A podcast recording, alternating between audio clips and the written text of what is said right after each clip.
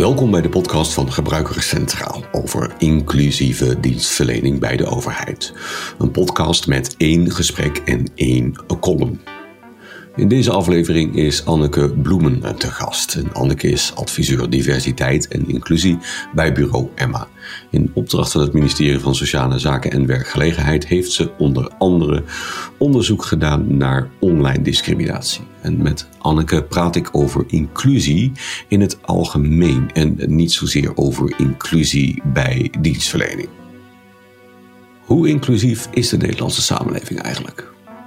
Volgens Anneke denken we dat het goed voor elkaar is in Nederland als het gaat om diversiteit en inclusie. Maar eigenlijk houden we onszelf daarmee een beetje voor de gek. Hoe kun je ervoor zorgen dat iedereen gehoord wordt en kan meepraten en meebeslissen in onze samenleving over zaken die iedereen aangaan? En wat is de rol van de overheid hierin? Daarover en meer gaat mijn gesprek met Anneke. En daarna volgt de column Wat zegt de wetenschap? Een column van Lidwien van der Wijngaard. Maar nu eerst wat meer over inclusieve dienstverlening. Iedereen moet mee kunnen doen, maar hoe weet je dat bij dienstverlening en hoe meet je dat en kan dat? Ik ben Wolfgang Ebbers, bijzonder hoogleraar aan de Erasmus Universiteit Rotterdam en adviseur bij PBLQ. En samen met Lidwien van de Wijngaard, hoogleraar communicatie aan de Radboud Universiteit Nijmegen en verbonden aan bureau Anne, heb ik dit onderzocht. En dat resulteerde in het toetsingskader inclusieve dienstverlening. Een methodiek om concreet te toetsen hoe inclusief overheidsdienstverlening is. Diversiteit en inclusie zijn ruime begrippen. Velen lijken het te omarmen, maar wat wordt er eigenlijk precies mee bedoeld? En waarom moet een samenleving divers zijn en voor wie? Waarom is het zo belangrijk? Ik sprak Anneke op 21 januari 2021 en naar dat gesprek gaan we nu luisteren. Bij ons nu in gesprek Anneke Bloemen en zij is adviseur op het gebied van diversiteit en inclusie bij bureau Emma. Eh, ze doet bijvoorbeeld in opdracht van het ministerie van Sociale Zaken en Werkgelegenheid een project over online discriminatie. En daar zoekt Anneke samen met haar collega's naar een manier om de norm wat betreft discriminatie op sociale media en überhaupt online eh, te verschuiven met een krachtige interventie. Een ideale gast dus om onze podcastserie mee af te sluiten. Met Anneke stappen we eigenlijk wel een klein beetje achteruit en kijken we niet naar inclusie bij dienstverlening, maar inclusie in het algemeen. Anneke, van harte welkom in onze podcast. Dankjewel. Anneke, ik val meteen even uh, met de deur in huis. Uh, wat is voor jou inclusiviteit? Ja, uh, nou, dat is inderdaad gelijk een heldere vraag. Um, Volgens mij uh, kan je het heel simpel benoemen als het feit dat iedereen in de samenleving volledig mee kan doen en dezelfde kansen heeft. Uh, en eigenlijk dat iedereen kan meepraten. Uh, dus dat iedereen's verhaal ook gehoord wordt. Hè. Vaak heb je het, het, het verhaal wat bij iedereen bekend is, is toch een beetje het verhaal van de groep die de norm uh, uitmaakt. En um, inclusie is wat mij betreft dat je iedereen's verhaal kan horen. En dat iedereen ook mee kan beslissen over zaken uh, die voor iedereen uh, belangrijk zijn. Dus Oké. Okay. Hey, een groep die de norm uitmaakt, kun je dat eens wat toelichten? Ja, Um, nou ja, het is uh, eigenlijk uh, al van oudsher zo dat uh, er één groep is in de samenleving, eigenlijk over de hele wereld zo'n beetje, die nou ja, de, de norm uitmaakt. Wat wil zeggen, dat zijn de mensen die eigenlijk alles lijken te bepalen. Dat is, nou ja, je hoort dan vaak over de witte man van middelbare leeftijd, heteroseksueel, cisgender. Wat betekent dat je, nou ja, dat is eigenlijk het tegenovergestelde van transgender. Dus dat is een groep mensen uh, waarvan eigenlijk het beeld bestaat. Of waarvan we denken, dit is uh, wat de norm is. Dit is uh, de mens. En als je dat op die manier ziet, dan, is er een, dan zijn er een heleboel mensen die daar niet bij lijken te horen. Terwijl, nou ja, de samenleving is iedereen. Ja, en is dat dan, is dat dan een, een, relatief kleine groep ten opzichte van de grote groep die er niet, niet bij hoort? Of hoe, hoe moet ik dat zien? Um, nou, dat zou je eigenlijk wel zo kunnen zeggen, denk ik, ja. Um, als je het hebt over de heteroseksuele witte man, Uh, dat, nou ja, dat is eigenlijk maar een kleine groep op de hele wereldbevolking. Uh, Alleen is dat wel op heel veel plekken de groep mensen die uh, bepaalt wat er gebeurt. Als je kijkt naar regeringen, als je kijkt naar besturen van bedrijven. En daar veranderen wel dingen in, maar nog steeds is dat wel de groep die bepaalt wat er gebeurt. Oké, ja, doet me heel erg denken aan toen ooit, ooit ik geschiedenis had in, volgens mij was het VWO 2 of VWO 3, dat we van de Amerikaanse geschiedenis het ineens hadden over de WASP. Dus de White Anglo-Saxon Protestant, die als het ware heel dominant was in het, in het openbaar bestuur in ieder geval. Uh, um, bij, um, ja, in ieder geval in de Amerikaanse cultuur. Dus ja. uh, uh, dit, dit is iets wat eigenlijk ook al in de, in, de, in de geschiedenisboeken staat. Wat heel veel mensen dus, als ze in ieder geval het hoofdstuk Amerika hebben gekregen in de geschiedenislessen, hadden uh, kunnen weten. En toch zeg jij eigenlijk, je ziet het nog steeds. Ja. Ja, ja, dat is grappig inderdaad. Ik denk ook als we het bijvoorbeeld over racisme hebben, kijken we snel naar Amerika. En in Amerika is dat uh, een onderwerp wat veel besproken is. En uh, ook als wij het daarover hebben, over Amerika hebben, is racisme een onderwerp wat veel besproken is. Uh, ja. Maar ja, je hebt de afgelopen weken, maanden hier in Nederland ook wel gezien dat dat net zo goed hier een onderwerp is waar we het over moeten hebben. Mm -hmm. um, en um, ik denk dat wat in Nederland best wel speelt, is dat wij denken dat we best wel alles, dat we het best wel goed voor elkaar hebben op het gebied van diversiteit en inclusie. Uh, dat er weinig discriminatie is. Uh, mm -hmm. Maar dat we onszelf daar een beetje mee voor de gek houden. Uh, Oké, okay, ja, dat is, heeft dat te maken met uh, dat je zelf in die norm leeft. Hè, dat, en dat je dan uh, vanuit die norm het eigenlijk heel allemaal niet ziet. Het zogenaamde white privilege wordt het wel eens genoemd, geloof ik. Ja, ja precies. Dat is ja, een goed voorbeeld. is bijvoorbeeld dat wij bij ons, bij Emma, waar ik werk, het over dit onderwerp hadden. En dat er ook een collega was die zei: Oh ja, shit, daar heb ik eigenlijk nooit over nagedacht. Dat ik wit ben, maar dat dat ook een kleur is. En dat dat ook heel veel invloed heeft op de kansen die ik in mijn leven heb en hoe ik dingen zie en de dingen die ik meemaak. Um, mm. En het is denk ik op zich niet zo gek dat je dat uh, niet ziet, uh, omdat je er niet zo mee geconfronteerd wordt. Mm -hmm. mm -hmm. Oké, okay. hey, um, gaan we misschien in dit kader toch een beetje een, een, een rare vraag, maar eigenlijk ook wel een vraag die we, als je jezelf helemaal in die witte bubbel bevindt, wel gesteld moet worden. Uh, en misschien een confronterend antwoord krijgt. Maar waarom is inclusiviteit belangrijk?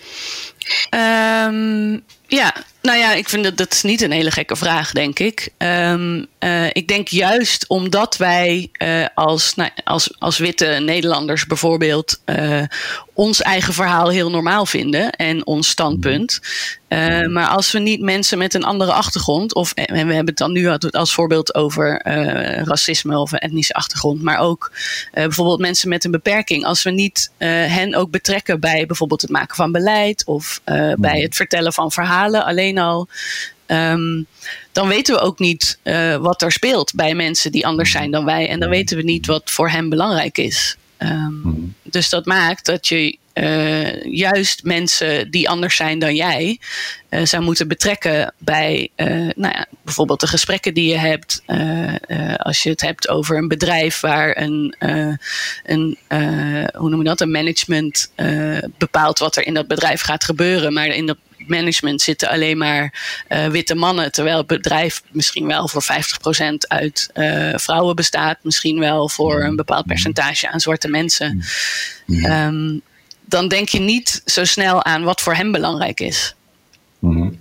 Oké, ja, en, en uh, ah, ik vind het zelf opnieuw een ongemakkelijke vraag. Hoor. Ook voor mezelf ongemakkelijk, omdat ik zelf uh, wit ben. Um, um, en, en alles in mij zich verzet tegen uh, uitsluiting.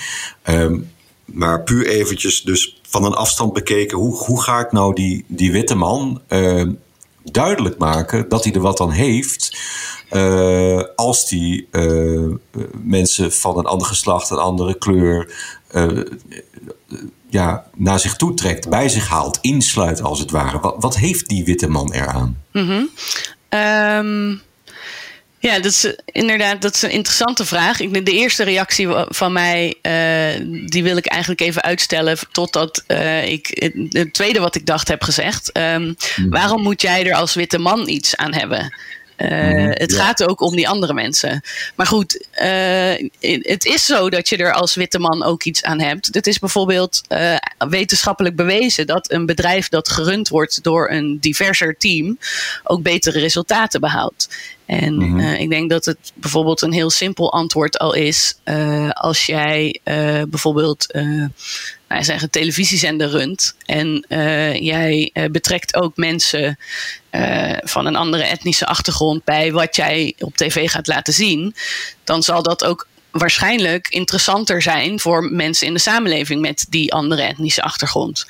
Ja. Ehm, dus door mensen te betrekken van andere achtergronden, of dus bijvoorbeeld mensen met een beperking of mensen met een andere religie, um, zorg je dat dat perspectief ook in jouw uh, nou ja, bedrijfsvoering of in de keuzes die je maakt wordt meegenomen. En zo wordt dat ook interessanter voor iedereen in de samenleving.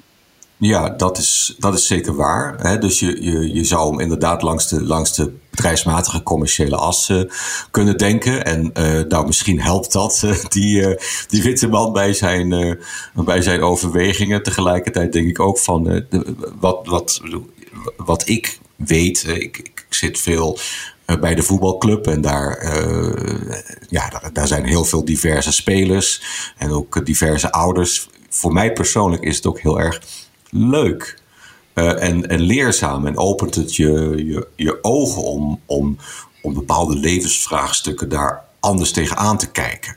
Uh, omdat ze uh, ja, heel veel culturen en, en, en, en mensen met een, noem ik maar wat, een transgender achtergrond of zo, die hebben ook een hele interessante blik, althans dat vind ik, op het leven en op de dingen die leven in onze samenleving. Dus ik vind het vaak ook heel inspirerend om ja, om die mensen juist wel uh, in te sluiten en dagelijks te zien. Ik vind het hartstikke ja, leuk eigenlijk. Ja. ja, daar ben ik het helemaal mee eens. Kijk, het is, uh, dat is het uh, wat meer persoonlijke of misschien meer emotionele deel daarachter. Of nou ja, hoe je het wil noemen. Het ene wat, waar we het net over hadden is vrij zakelijk. ik vind zelf ook, een verhaal wordt interessanter als je het van verschillende kanten bekijkt. Mm -hmm. um, uh, het is soms misschien uh, spannend, maar wel heel leerzaam. En wat jij ook zegt, boeiend om uh, iets uit een hele andere cultuur te leren. Of te horen hoe iemand met een andere religie over bepaalde levensvragen nadenkt. Je kan er ook heel veel aan hebben. Um, ja, mm -hmm. ja, ik denk dat het de samenleving interessanter maakt, leuker maakt, afwisselender maakt. Als je allerlei verschillende perspectieven evenveel ruimte geeft. Zou die de samenleving ook veiliger maken? Ja, dat denk ik wel. Um, als je andere soorten verhalen kent, heb je er ook meer begrip voor. Um, En dan kun je bijvoorbeeld in ruzies of discussies je misschien ook makkelijker verplaatsen in de ander. En dan heb je het nu over ruzies of uh, discussies. Maar ook bij bijvoorbeeld onderwerpen als uh, polarisatie of radicalisering is vaak het probleem, denk ik, voor een deel, dat je je helemaal niet meer kan verplaatsen in uh, de andere kant. Dus als je meerdere perspectieven tot je kan nemen en je in die andere kant kunt verplaatsen, dan wordt die afstand misschien ook kleiner. Um, ja, en dan ga je waarschijnlijk ook minder slechte uh, of vanuit een angst uh, kenmerken toedichten aan die ander. Want je, je praat er nooit mee, dus je denkt, nou, die zal wel niet te vertrouwen zijn. Ja. Ja, en meer begrip. Uh, en andersom is het denk ik dus ook zo dat als. Uh, uh, hè, ik, ben, ik werk nu aan een artikel over jongeren en polarisatie. Um, als je uh, ook meer begrip toont voor de achtergrond van een jongere en die jongeren krijgen het gevoel dat daar ruimte voor is, dan, dan ontstaat er ook minder de neiging om je ergens van af te zetten. En als je uh, als jongeren in een groep geplaatst worden van oh, die zijn met de radicale dingen bezig, dingen die eigenlijk niet kunnen, die gaan te ver, uh, dan wordt dat misschien juist interessanter, want ze worden toch al in die hoek gezet. Dus nou ja, daar zitten we dan. Laat die kant dan ook maar opgaan.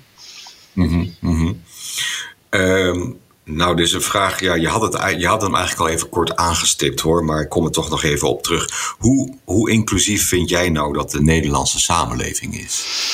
Ja, ik denk dat daar dus nog best wel wat in uh, kan verbeteren. Ehm, ik noemde net uh, inderdaad al het racisme-onderwerp, wat de laatste tijd veel uh, besproken is, natuurlijk, vanwege de toeslagenaffaire. Ik denk mhm. als je bijvoorbeeld een uh, diverser kabinet hebt, of een diversere Tweede Kamer, of een diversere groep mensen die bij de Belastingdienst werkt, dan zou dit minder snel gebeuren. Hè? Het feit dat er wordt gesproken over een nest Antillianen, dat vind ik best wel stuitend. En dat vindt bijna iedereen. Um, maar het kan dus toch, het gebeurt toch. En uh, als je diezelfde Antillianen waarover zij zeggen, nou dat, dat zijn allemaal die mensen die frauderen allemaal. Dat is een groep mensen, uh, die zetten we in één hoek en die moeten we allemaal controleren. Um, Terwijl als je misschien uh, collega's hebt die Antilliaanse afkomst hebben, of mensen zelfs met een andere culturele afkomst, die dit soort manieren van denken herkennen, um, dan kun je daar eerder op reflecteren. Dan kun je eerder zeggen: hé, hey, maar kijk even wat je nu doet. je bent ja. aan het generaliseren of je bent aan het stereotyperen. Dit is eigenlijk gewoon racisme. Um, dat kan niet. Ja, ja, we kunnen natuurlijk nooit achter de, uh, ja, achter de deuren van uh, de toeslagenaffaire kijken. Ehm, maar ja, en je zou inderdaad willen weten hoe, hoe divers was het team nou dat heeft gewerkt aan die toeslagen. Hè? Ja. Ja, ja. ja nou, en dit is inderdaad is één voorbeeld. Het was het eerste wat bij mij opkwam. Um, maar sowieso, als je bijvoorbeeld kijkt nu naar de Tweede Kamer en de Tweede Kamerverkiezingen, de lijst uh, van uh, mensen die zich kandidaat hebben gesteld. Zo interessant, een collega van mij heeft een uh, overzichtje gemaakt van het aantal vrouwen van kleur en zwarte vrouwen die op die lijst staan. En ik geloof dat er nu, ik heb de getallen helaas nu niet paraat, maar misschien twee vrouwen van kleur in de Tweede Kamer zitten. In ieder geval heel erg weinig. Mm -hmm. wat betekent, uh, dit heel kort uitgelegd misschien, maar als, als er geen vrouwen van kleur in de Tweede Kamer zitten, uh, is hun uh, positie ook niet, of dan wordt hun perspectief ook niet zo snel meegenomen. Nee. En ik, nee. denk dat, nou ja, ik denk dat dat op heel veel plekken nog een heel stuk verbeterd kan worden. Oké. Um, jij, jij, doet natuurlijk vanuit jouw werk en vanuit het bureau, um, Emma, doe jij natuurlijk het nodige. Um, kun je een voorbeeld geven van een overheidsinitiatief waarbij geprobeerd is om die inclusiviteit te verbeteren? Um, ja, jij gaf net inderdaad in de intro noemde je al uh, het onderzoek waar ik zelf aan mee heb gewerkt uh, uh, over online discriminatie. Daar hebben we eigenlijk geprobeerd om een, een grote groep mensen te vragen hoe zij online discriminatie waarderen. Uh, met het idee of met het doel uiteindelijk om uh, interventies te ontwikkelen die voor zoveel mogelijk mensen uh, bruikbaar zijn om in te zetten online. Ja. Um, dus dat is één voorbeeld. Een ander voorbeeld, wat misschien ook wel leuk is om even aan te halen, omdat het over een heel ander onderwerp gaat, is uh, een campagne die wij hebben uh, gedaan. Die loopt bijna af. Uh, om het taboe op het hebben van schulden uh, te doorbreken. Dus in Nederland zijn veel mensen die schulden hebben. Uh, daar wordt heel weinig over gesproken, want daar heerst best wel een taboe op. Terwijl schulden uh, ja, eigenlijk iedereen kan, uh, kan in de schulden raken door pech of door uh, nou ja, omstandigheden, noem het maar op. En ja. wat je bijvoorbeeld ziet bij dat onderwerp is dat een, een, iets als laaggeletterdheid vaak een rol speelt. dus dat er mensen zijn die slecht kunnen lezen of niet, dat nooit goed hebben geleerd. Um, die brieven krijgen van de overheid die ze absoluut niet begrijpen. Um, wat betekent dat ze niet doorhebben dat er een schuld is of een boete is. Uh, en met die campagne hebben we dit soort verhalen geprobeerd te vertellen. Dus bijvoorbeeld het verhaal van iemand die uh, laaggeletterd is en onder andere daardoor in de schulden terecht is gekomen. En daartegenover ook iemand die uh, opleiding tot piloot heeft gedaan, daar ontzettend veel geld voor heeft uh, geleend. Maar toen kwam de crisis en kwam hij niet aan het werk. Dat is een heel ander iemand die ook in de schulden is geraakt. Mm. Um, dus we hebben ja, verschillende verhalen geprobeerd te vertellen. Ja, een heel, heel diverse achtergronden hoor ik al in die verhalen doorkomen. Ja, precies. Ja, waarmee je eigenlijk A laat zien, het kan iedereen gebeuren. En B, uh, perspectieven, zoals iemand die laaggeletterd is, waar de overheid misschien nooit over na, of de mensen die hier, de overheid is niet één groep, maar uh, de mensen die hiermee bezig zijn, uh, nooit over na hadden gedacht. Dat, oh ja, shit, als ik iemand een brief stuur met, hé, hey, je moet deze toeslag of je moet dit, deze boete nog betalen, en die persoon kan de brief niet volgen, dan gebeurt mm -hmm. dat mhm. niet. Mm -hmm. Oké. Hey, even terug naar dat, dat SZW-project wat mm -hmm. je doet, hè, online discriminatie. Ja, wij zijn natuurlijk een community die zich bezighoudt met uh, digitale overheidsdiensten. Dus mm -hmm. toch wel geïnteresseerd. Wil je daar toch nog iets meer over vertellen? Online discriminatie, uh, hoe, hoe, zie, hoe ziet dat er eigenlijk uit? Uh, bedoel je het project of uh, uh, het... Online discriminatie in, in, het, in, het, in het algemeen. En dan natuurlijk ook jullie project wil daar iets in doen. Ja. Maar welke vormen van online discriminatie hebben we het eigenlijk allemaal? Ja, nou wat, er zijn heel veel verschillende vormen. Wat wij in eerste instantie bij het onderzoek hebben gedaan... is um, kijken naar welke vormen het meest voorkomen online. Mm. Um, en dat moet ik even zorgen dat ik ze alle vijf noem. Dat is afroracisme, um, jodendiscriminatie, dus antisemitisme, uh, homodiscriminatie, uh, vrouwendiscriminatie en uh, moslimdiscriminatie. Dat zijn eigenlijk de vijf die bijvoorbeeld op sociale media het meest voorkomen. Nou, wat interessant is trouwens dat we dit bijna twee jaar geleden zijn gestart. Inmiddels mm -hmm. uh, zie je sinds uh, de coronacrisis dat bijvoorbeeld uh, discriminatie van mensen met Aziatische achtergrond eigenlijk ook heel groot is. Oh, ja. Dat hadden wij al niet scherp. Mm -hmm. Dus daar zie je al dat we eigenlijk een perspectief gemist hebben. Mm -hmm. um, maar wat we gedaan hebben onder andere is kijken wat voor soort verschillende, of hoe mensen tegen die verschillende gronden van discriminatie eigenlijk aankijken. En dan zie je dat er best wel wat verschil tussen is. Uh, dus dat discriminatie van vrouwen, um, dat dat door mensen helemaal niet zo snel wordt herkend. Uh, mm. Veel respondenten zeggen, ja, dat is toch een grapje, ah joh, daar moet je toch tegen kunnen. Um, Terwijl uh, racisme werd wel heel duidelijk herkend. Uh, ja. Dus het werd veel eerder gezien als dit is racisme, dit kan echt niet.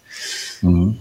Um, en, en dat zal, is, is dat, zal dat met de homo-haard waarschijnlijk ook uh, zo zijn? Ik kan me nog herinneren de, de felle discussies rondom de gebeurtenissen bij het voetbalprogramma VI hè, met Johan Derksen. Ja. Is dat Herkennen mensen dat ook niet zo makkelijk als rassendiscriminatie? Um, iets minder inderdaad. Uh, wat je wel ziet is dat uh, nou ja, mensen zien wel... oh ja, hier wordt iets gezegd wat eigenlijk niet helemaal oké okay is. Maar joh, het is een grapje. Uh, dus hè, dat, ik bedoel, bedoel het helemaal niet zo. Ik vind homo's prima, maar dit is toch gewoon grappig. Dat moet toch kunnen. Mm. dus dat zat wel iets meer in die hoek. Um, Terwijl, uh, als ik het dan inderdaad heb over vrouwendiscriminatie, daar viel echt op dat mensen dachten: ja, maar dit moet je toch gewoon kunnen zeggen. Dit is toch gewoon zo. Uh, of, uh, nou ja, dit is toch een compliment soms zelfs. Wat, wat, we hebben gedaan is voorbeelden van uitingen aan mensen laten zien. waarbij er een zat over een nieuwspresentatrice, waarvan ze zeiden: die ziet er goed uit in deze broek of zo. Um, en dan met iets groffere woorden. Uh, dat, dat mensen denken, ja, maar dat is toch zo, dat mag je toch zeggen. Ja. En enerzijds, nou ja, is dat misschien zo, uh, maar op die manier is het geen compliment. En mensen zien dat sneller als, is toch gewoon een compliment, kun je toch zeggen? Oh ja, ja, ja, ja, ja. Die, uh, die gedachtenlijn. Ja. ja. ja. Van vrijheid van meningsuiting, ik moet het toch gewoon kunnen zeggen. Ja, ja. ja ook dat. En het, dit is toch iets positiefs, dat kan toch? Ja. Um, ja. Maar ja, daar zit dan bijvoorbeeld een, uh, een hele geschiedenis achter van vrouwen die niet beoordeeld worden op wat ze kunnen. Namelijk, uh, dit is een hele goede nieuwslezeres, maar beoordeeld op hoe ze eruit zien. Mm-hmm. Uh, dus dat soort dingen zitten daar dan achter. We, ik, en wat voor, Oh, sorry. Nou, ik wou zeggen, we, ik moet erbij zeggen, we hebben niet veel verder onderzoek gedaan naar wat daar dan achter zit. Omdat ons doel vooral was achterkomen hoe die verschillen liggen en wat je daar dan aan kan doen. Ja, en dat, dat, dat, dat was ik natuurlijk benieuwd naar. Van, en wat, wat hebben jullie zoal uh, kunnen bedenken? Want het lijkt mij vrij lastig om, om hier iets aan te doen. Iets wat zo uh, uh, diep uh, in de samenleving, in ons allemaal zit. Die, de, de, onoplettendheid, de grap, de grol, het compliment dat niet zo overkomt. Hoe, wat voor interventies bedenk je ja. hiervoor? Ja, dat is inderdaad heel ingewikkeld. En uh, eerlijkheid gebied ook te zeggen dat we daar uh, nog niet mee uh, echt, of dat we nog geen dingen in de praktijk aan het brengen zijn. Mm. maar waar we in ieder geval geprobeerd hebben rekening mee te houden, is dat je dus verschillende vormen van discriminatie op verschillende manieren moet benaderen. Um, en dat je bij uh, eentje die ik nog niet heb genoemd trouwens was moslimdiscriminatie. Dat was heel interessant. Daar zagen we eigenlijk dat mensen wel snel herkenden dat het discriminatie was. Of dat iets misschien te ver ging. Uh, maar dat mensen helemaal niet de neiging hadden om daar iets aan te doen. Uh, mm-hmm. Terwijl dat bij andere vormen van discriminatie lag dat meer op één lijn. Van en het is niet echt discriminatie en ik hoef er niks aan te doen. Of dit is best wel heel discriminerend, daar moet ik misschien eigenlijk ook wel iets aan doen. En bij moslimdiscriminatie lag dat niet op één lijn. Um, dus waar wij vooral naar hebben gekeken is, waar, waar moet je mensen dan op aanspreken? Op hun uh, ja, verantwoordelijkheid of op een uh, uh, gevoel van, goh, ik ben nu omstander, maar ik, ik kan hier iets aan bijdragen. Um, en we hebben gekeken naar uh, manieren van interventies waarmee je eigenlijk uh, door verhalen van anderen te laten zien, dus verhalen van mensen die het, uh, dit soort dingen ervaren, mm -hmm. um, te laten zien, goh, maar dit is eigenlijk wat er gebeurt. Dit is eigenlijk wat je doet. Oh, Oké. Okay. Um, dus dat we zeggen, jullie zitten nog in de, in de, in de brainstorm fase of in een soort van ideation fase om, om die concepten of die interventies te bedenken. Maar jullie zijn nog niet zo ver dat je ze ook kunt uitproberen. Ja, klopt. We hebben een aantal ideeën en die willen we heel graag in de praktijk gaan testen. Mm -hmm. uh, maar daar zijn we nog niet. Uh, Oké. Okay. Uh, ik vind, vind het op zich wel interessant het, het, maar zeggen, het opstellen van verhalen vanuit het perspectief van een ander. Hè, want dat is wat wij met het inclusiekader ook doen. Hè. We hebben een toetsingskader inclusieve dienstverlening, waarbij we in ieder geval zeggen dat we bij het ontwerpen van diensten uh, de, de, de eindgebruikers van meet af aan willen meenemen. En er zijn natuurlijk ontzettend veel manieren om uh, hun verhaal tijdens het ontwerpproces helder te krijgen. Uh, van, van persona tot storytelling, noem maar op. Um, um, maar dat is toch Um, tenminste in ieder geval voor het ont ontwerpproces om zo inclusief mogelijk te ontwerpen en je te verdiepen in uh, wat overkomt die ander nou, hè? Van, en in dit geval wat, wat overkomt die ander waar ik nou die dienst voor ontwerp, zie ik toch een soort van ja, parallel van het, het, het, het omdraaien van het perspectief. Zie jij dat, hoe zie jij dat? Ja, ja, ik denk dat dat heel belangrijk is als je uh, met dienstverlening uh, bijvoorbeeld voor bepaalde groepen bezig bent. Is stap 1 mhm. echt spreek met die groepen. Uh, wat, wat hebben zij nodig? Waar zijn zij mee geholpen? het is wel grappig, ik heb even een van de eerdere podcasts die je hebt opgenomen teruggeluisterd. En er was dat voorbeeld dat iemand gaf van haar dochter die een OV-chipkaart wilde aanvragen. Um, en die moest eerst door een heel proces van uh, een lening aanvragen. Uh, ja. ja, dan heb je eigenlijk alleen maar die ene standaard student in gedachten. Die uh, gaat studeren, uit huis gaat wonen, dus een lening en een OV-chipkaart nodig heeft. Maar er zijn natuurlijk heel veel verschillende soorten studenten. Ja. dus heb je dan al die verschillende soorten studenten in gedachten. En heb je hen bijvoorbeeld gevraagd wat ze nodig hebben.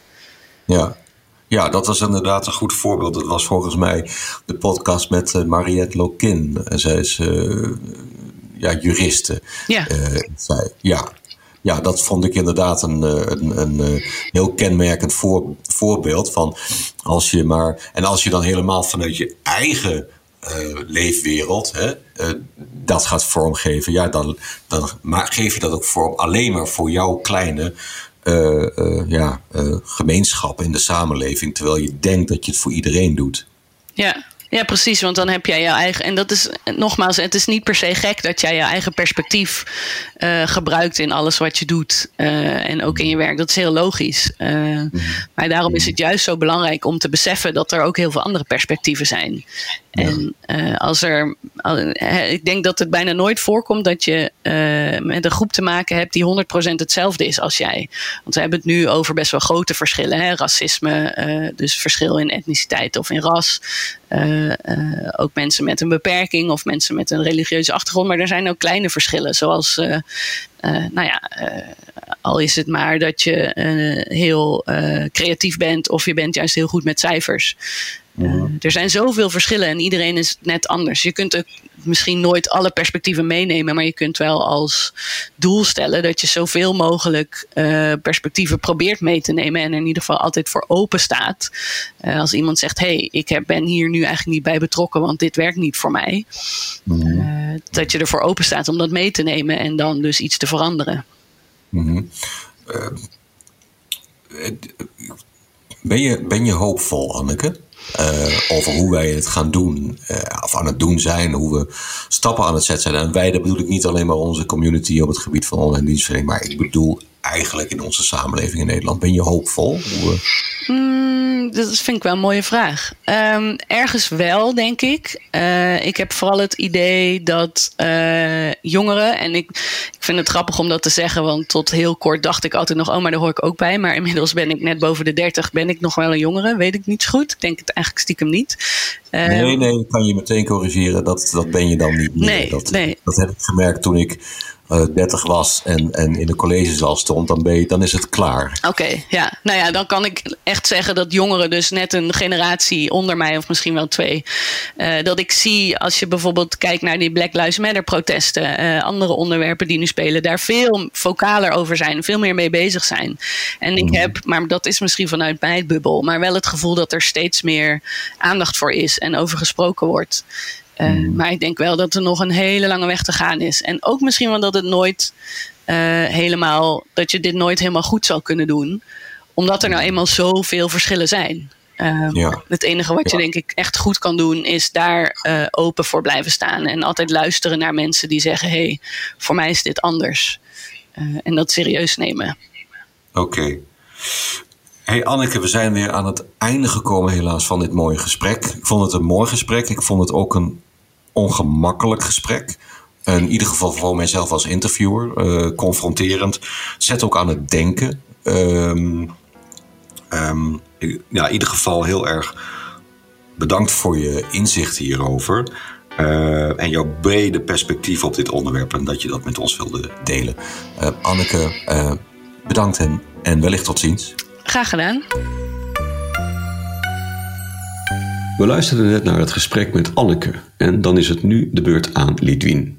In haar column Wat zegt de wetenschap? kijkt Lidwien vanuit wetenschappelijk oogpunt naar inclusieve dienstverlening. En vandaag gaat ze in op groepsvorming en geeft ze antwoord op de vraag: hoe kun je doelgroepen identificeren en hoe kun je de doelgroepbenadering inzetten om toch inclusieve dienstverlening te realiseren? In het toetsingskader inclusieve dienstverlening definiëren we dienstverlening als inclusief wanneer burgers aan hun verplichtingen kunnen voldoen en hun rechten kunnen uitoefenen. Inclusieve dienstverlening betekent daarmee bijvoorbeeld dat iedereen in onze samenleving toegang moet hebben tot de overheid en dat iedereen de informatie van de overheid moet kunnen begrijpen. Feit dat we aandacht besteden aan dit onderwerp en dat we juist deze omschrijving kiezen, betekent dat niet alle dienstverlening van de overheid inclusief is. Voor sommige mensen is de overheid wel toegankelijk, maar voor anderen niet. Kennelijk zijn er twee of misschien wel meer groepen. Ook in het interview met Anneke Bloemen dat je zojuist hoorde, werden verschillende groepen benoemd. Zij onderscheidt een kleine groep die de norm uitmaakt ten opzichte van andere groepen die moeten voldoen aan die norm. Om te begrijpen hoe groepsvorming werkt, is een eerste vraag die je zou kunnen stellen: wat is eigenlijk een groep?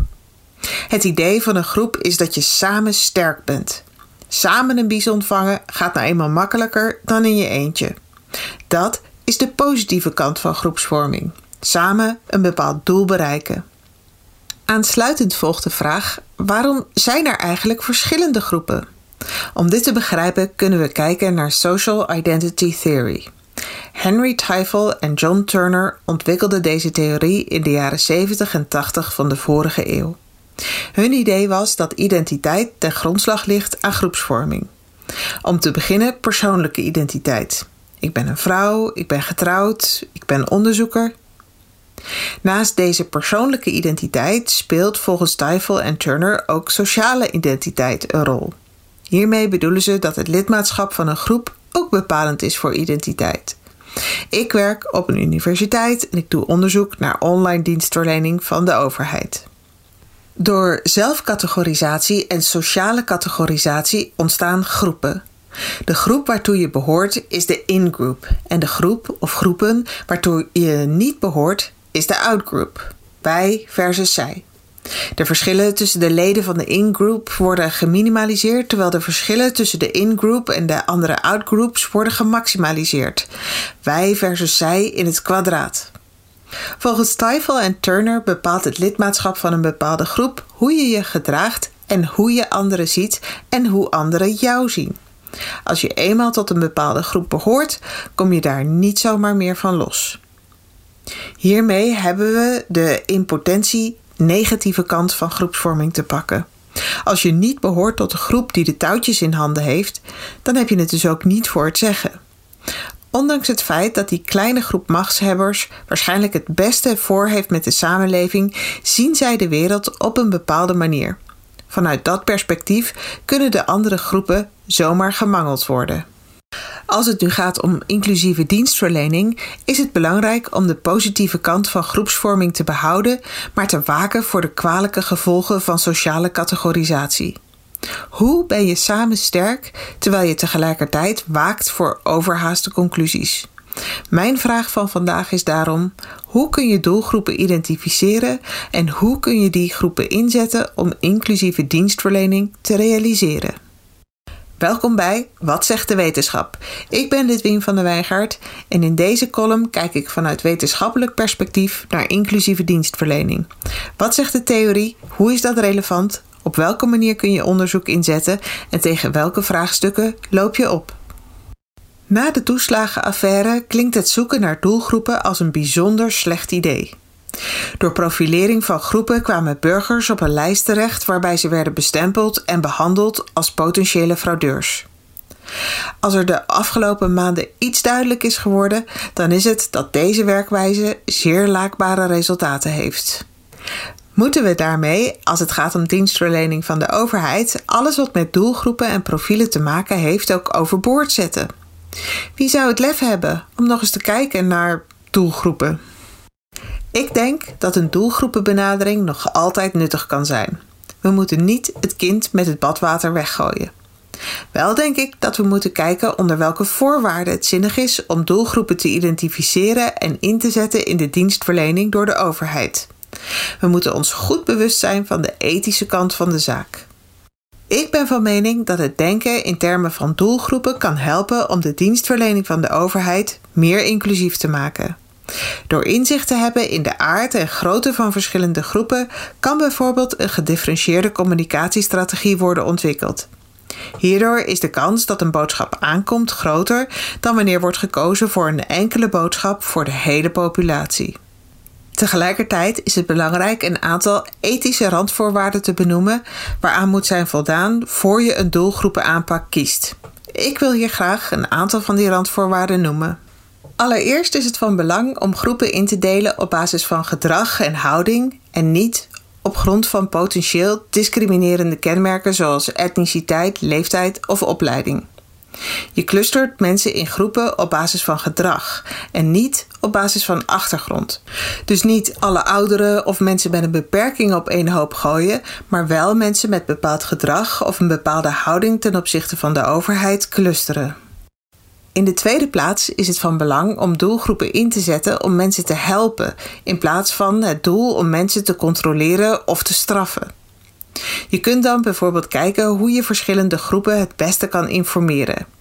Waar één groep het meest gebaat is bij heldere voorlichting, heeft de andere groep misschien het meest aan persoonlijk contact. In de derde plaats is het van belang om niet alleen symptomen te bestrijden, maar ook op zoek te gaan naar oorzaken. Waarom gedragen mensen zich op een bepaalde manier? Het doel moet niet alleen zijn om eenvoudiger taal te gebruiken voor een groep die moeite heeft met lezen en schrijven. Het doel moet ook zijn om erachter te komen waarom die mensen laaggeletterd zijn. Hoe kun je deze groep helpen om beter te leren lezen en schrijven? In de vierde plaats is het van belang om de menselijke maat te blijven hanteren. Behandel mensen niet alleen als lid van een groep, maar kijk ook altijd naar de overwegingen die hij of zij als individu heeft. Deze en misschien nog wel andere uitgangspunten kunnen behulpzaam zijn als we in de komende jaren gaan kijken hoe, na de ervaringen uit de toeslagenaffaire, inclusieve dienstverlening het beste kan worden vormgegeven. Een doelgroepenbenadering kan daarbij een hulpmiddel zijn, mits aan een aantal voorwaarden wordt voldaan. En hiermee komen we aan het einde van de zesde podcastaflevering van Gebruikers Centraal over inclusieve dienstverlening. Met Anneke sprak ik onder meer over meerdere vormen van discriminatie. En over die ene groep in de wereld die toch wel heel bepalend is voor al die andere groepen. Maar ook over de voordelen van diversiteit. Zo doen bedrijven die divers zijn samengesteld het beter dan bedrijven die dat niet zijn. Ik vond het een heel leerzaam gesprek en ik vond het een ongemakkelijk gesprek. Zo werd ik me tijdens het gesprek bijvoorbeeld nog bewuster van de groep waar ik deel van uitmaak en de identiteit die het lidmaatschap van die groep met zich meebrengt. Lidwien ging in haar column hier verder op in, aan de hand van de Social Identity Theory. En vervolgens pakte ze over en ging ze richting de gevoeligheid van de doelgroepbenadering, ook in relatie tot de recente gebeurtenissen bij toeslagen. Ze kwam met een viertal randvoorwaarden over hoe we toch de voordelen van een doelgroepbenadering kunnen pakken, zonder dat de nadelen gaan spelen. Dit is tevens ook de laatste aflevering in deze reeks van podcasts van Gebruikers Centraal over inclusieve dienstverlening bij de overheid. Lidien en ik deden dit met veel plezier en we willen Victor Zuidweg, Elka Helmers en André Dortmund van harte danken voor alle ondersteuning en dat zij dit mogelijk hebben gemaakt. Gebruikers Centraal gaat dus nog even door met podcasts, maar op een ander thema en daarover op een andere plek weer. Blijf Gebruikers Centraal dus volgen. En als je meer wil weten over het toetsingskader inclusieve dienstverlening, ga dan naar inclusiekader.gebruikerscentraal.nl. Bedankt voor het luisteren en tot ziens.